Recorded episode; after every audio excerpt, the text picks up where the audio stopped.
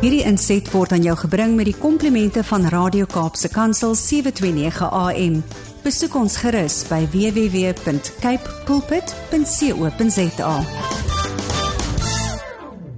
Goeiedag en baie welkom weer by die program Markplek Ambassadeurs, die program van CBC Suid-Afrika hier op Radio Kaapse Kansel. My naam is Harm Engelbrecht van CBC en CBC is die bediening uh onder die sakepersone in die markplek uh internasionaal wêreldwyd betrokke in omtrent 100 lande waar ons besigheidspersone wil bereik om hulle ook toe te rus en uiteindelik uh, by die punt te kry um met die hulp natuurlik van die Here en van die woord om ambassadeurs te wees vir hom vir God in die markplek daar waar ons elke dag beweeg Met die skepping van die mens in Genesis het God gesê ek maak die mens as my verteenwoordiger. En in 2 Korintiërs 5 vers vers 20 het Paulus gekom en hy skryf daar hy sê want ons is sy verteenwoordigers. Ons is sy gesante en die party vertalings en die Engelse vertaling sê ons is sy ambassadeurs.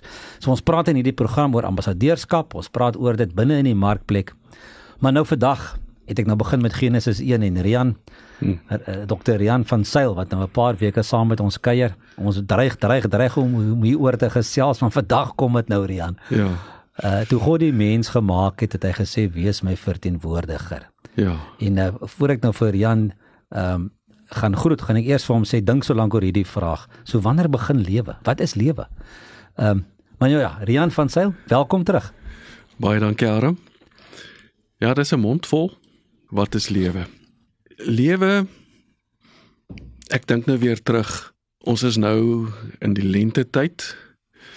En die lente was amper met so 'n maand laat hierdie jaar gewees op 1 Oktober. Dit was 'n pragtige uh, lentedag gehad en ehm um, het ek hierdie jaar As jy vir my vra wat is lewe, wil ek graag na die natuur toe gaan. Ek ek wil nie die vraag sy stap nie, maar hmm. ek wil graag na die natuur toe gaan. Ek het in Augustus Kyk, dis mos 'n goeie antwoord want dan dan gee jy tyd om verder te dink. Om te dink, ja, ek het tyd nodig om te dink. ek het hierso middel middel Augustus is ek genooi en en nie genooi nie. Ek uh, uh, my motor het my genooi. Ek baie keer dan gaan my motor in 'n rigting en dan gaan jy net saam. Dan gaan ek saam. en dit is baie keer baie opwindend en uh ja, avontuur. Ek hou maar altyd van so 'n stukkie avontuur. En ek ek gaan die dag uh, na 'n plaas net so kan buitekant Parel waar mense kan uh, besoek af lê waar daar pragtige tuine is. Uh gemanikeerde tuine, maar daar's ook 'n plaas buite om die tuin. En ek sê vir myself, joh, dit is nou eintlik nog in die middel van die winter. Hier, hier rondom my is alles nog redelik aan die slaap. Uh, Daar's nog nie nuwe lewe wat uitkom nie. Uh, maar daai dag gaan stap ek 'n bietjie op die plaas. En sjoe, ek kom daar by 'n uh, 'n uh, boord bome. Ek het geweet dis neutbome. Ek het geweet by daai plaas het hulle pekaneute en hulle het amandels en ek stap en ek sien net hier voor my die pragtigste bloeisels. Daar's nog niks blare aan die boom nie. Dis net die mooiste bloeisels, nuwe lewe.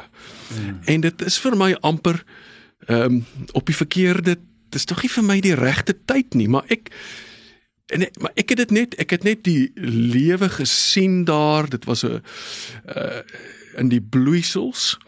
En toe het ek ook die beiekaste gesien wat daar tussen hmm. die bome staan en die beie is aan die gang eh, daarso. En toe ek by daai boord verbystap, toe kom ek by die tweede by nog 'n boord, maar is dood. Daar's niks nie. En toe het ek nou op die name gekyk.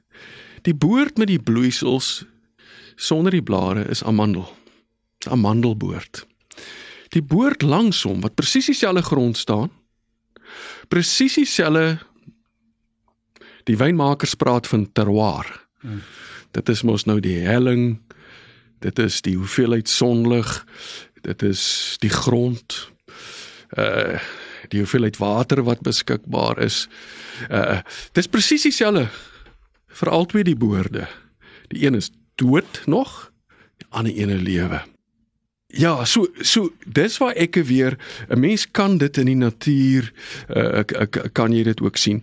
En ook ekskuus terug te kom na ons werk as dokter waar ons nou ge, gemoeid is met die geboorteproses en ons ook opgelei word om daar ehm um, eh uh, behulpsaam uh, te kan wees is, is dit ook altyd 'n uh, 'n besondere daardie eerste skree. En dit is altyd goed, daai eerste skree. Dit is wat die wat die babatjie gee. En uh, ons het nou gepraat oor Genesis waar dit gaan oor daai eerste asem ehm uh, wat ingeblaas is. Uh die lewensasem wat wat wat ingeblaas is. Maar dit laat my nou ook dink aan en, en en net interessant is is 'n babatjie al die groot woord is obligaat. Uh um, neus deur die neus asem. Dit is dis dit is hulle is hoofsaak hulle haal deur die neus asem. So as hy gebore word dan moet jy sy neus skoon suig dat hy nie uh van die stowwe wat dalk in die neusholtes is inasem nie. So as hy sy eerste asemteug intrek dat die dat die neuskanaal mooi skoon is. Maar jy het vir my gevra uh, uh, oor lewe en ehm um, ek dink jy het verwys waar waar begin lewe want daar tog lewe begin voordat die babatjie uh, gebore is. En dit is uh ook in ons opleiding word daarna verwys. Jy weet wanneer uh ehm um, wanneer begin lewe? Wanneer begin lewe? Ons het nou na die natuur, oor die natuur gepraat en ehm um, so vir my by die mens begin lewe wanneer ehm um, bevrugting plaasvind, wanneer daar suksesvolle 'n uh, konsepsie is. En dit is my persoonlike opinie. In die in die mediese ehm um, gemeenskap. In die mediese gemeenskap is daar verskille in opinie. En daar's ook uh, uh, kom ons sê riglyne oor hoe om die hoe om uh, eties moreel 'n uh, 'n uh, uh, fondasie te probeer vind vir wanneer begin lewe. En uh so ja, daar ehm um, uh, ek dink nie ons hoef in daardie in in in in, in daardie detail in te gaan nie. Uh en dan wat is lewe? Is dit net liggaam? Waar kom siel en gees nou in? Waar jy uh um uh jy weet want lewe is nie net die fisiese nie. En as ons gaan kyk na wat die prediker sê en die prediker het diep nagedink en hy was 'n baie slim man gewees. En hy het gesê dis iets wat hy nie verstaan nie. Daar's 'n paar goed wat hy nie verstaan nie. So op 'n ligter trant, ek dink die een ding was hoe die liefde tussen 'n man en vrou werk. Ja, so as ek ehm um, myself probeer verstaan, liggaam sien liggaam siel en gees, dan troos ek my daaraan dat ehm um, prediker ek kon dit nie verstaan nie. So ek dink daar is 'n groot deel van ehm um, uh vier dit net dat ons nie net 'n liggaam is nie. Daar is baie meer as dit. Die liggaam is maar is maar 'n kort tydjie daarso as jy dit kyk ehm um, teen die ewigheid. Ehm um, en jy het genoem in ons vorige program uh, die morbiditeit van die dood want teenoor die dewe lewe staan die dood en ehm uh, En ja, ek stem met jou saam. Maar ons ons ons kan ook anders oor die dood begin dink. En ons hoef dit nie net altyd te sien as iets morbied nie, as as Christen, as nuwe mens. Ehm um, beoor die dood en dit is miskien makliker gesê as gedoen. Ehm um, om dit self deur te gaan en jy kry nie altyd 'n uh, oefenloopie daarop nie. So dit is iets wat jy onvoorbereid ehm um, ingaan, maar as jy 'n pad ek wil amper sê hoe nader jy aan God beweeg, hoe meer jy die lewe die die ware essensie van lewe. Hoe meer jy jou daarin uh, oefen, hoe meer jy dit waardeer, hoe meer dankbaar jy daaroor is, dan begin dan skuif die dood begin eintlik minder belangrik raak. Ehm um, dit gaan eintlik meer op die agtergrond en dan uh, raak dit maar net 'n oorgang na uh, na 'n nuwe lewe. Ehm um, na iets beter na iets beter. Mm. En as jy dan met daardie pasiënte te doen het, uh, ek dink dis dan kan jy vrede inbring in die situasie van doodgaan. Mm. Mits daardie persoon weet dat hy ja. dat hy ingeruste sterf. Ja, ja. Ja. ja. Maar deur net 'n mens kan mos vrede raak sien op iemand. Mm. Uh, ek wil amper sê dis iets uh, wat jy sien voordat die persoon mm. daaroor praat want jou woorde moet autentiek wees. En woorde kan net autentiek wees as dit uit die hart uitkom. En ek was al in situasies waar ek 'n uh, uh, onrustig was. Uh, en dan kom daar iemand oor my pad wat net vrede inbring. 'n rustigheid. En dit gee vir jou 'n heeltemal 'n ander perspektief uh op die op die situasie. Mm, mm. Maar die liggaam, siel en gees wat ons nou al lank oor oor praat, as ons gaan kyk na die woord. Ek het nou gepraat oor 'n uh, prediker, sy worsteling met gees. En wat vir my dit baie keer ook moeilik gemaak het is nou waar kom verstand in? Waar is siel? Waar is gees? En dan eers in die Nuwe Testament word daar ook gepraat van dis soos die skeiding tussen siel en gees is soos die skeiding tussen murg en been. So daar was ook 'n 'n verstaan van hmm. maar hoeveel daarvan gaan ons regtig verstaan want ons ken maar net uh ten dele. Ehm um, en uh, vir my ons moet dit nie te ingewikkeld maak nie. Vir my is die die die die rykdom van die evangelie van Jesus ehm um, dis ook daar vir kinders. Ons hoef nie te veel ons koppe daaroor uh, te breek nie en dit is 'n oorgawe aan die werking van die Gees. En dan sal jou siel op 'n goeie plek wees. En soos dit ons dit ook sien in die medisyne is dat dit word deurgetrek na die gesondheid hmm. van elke selletjie in jou liggaam.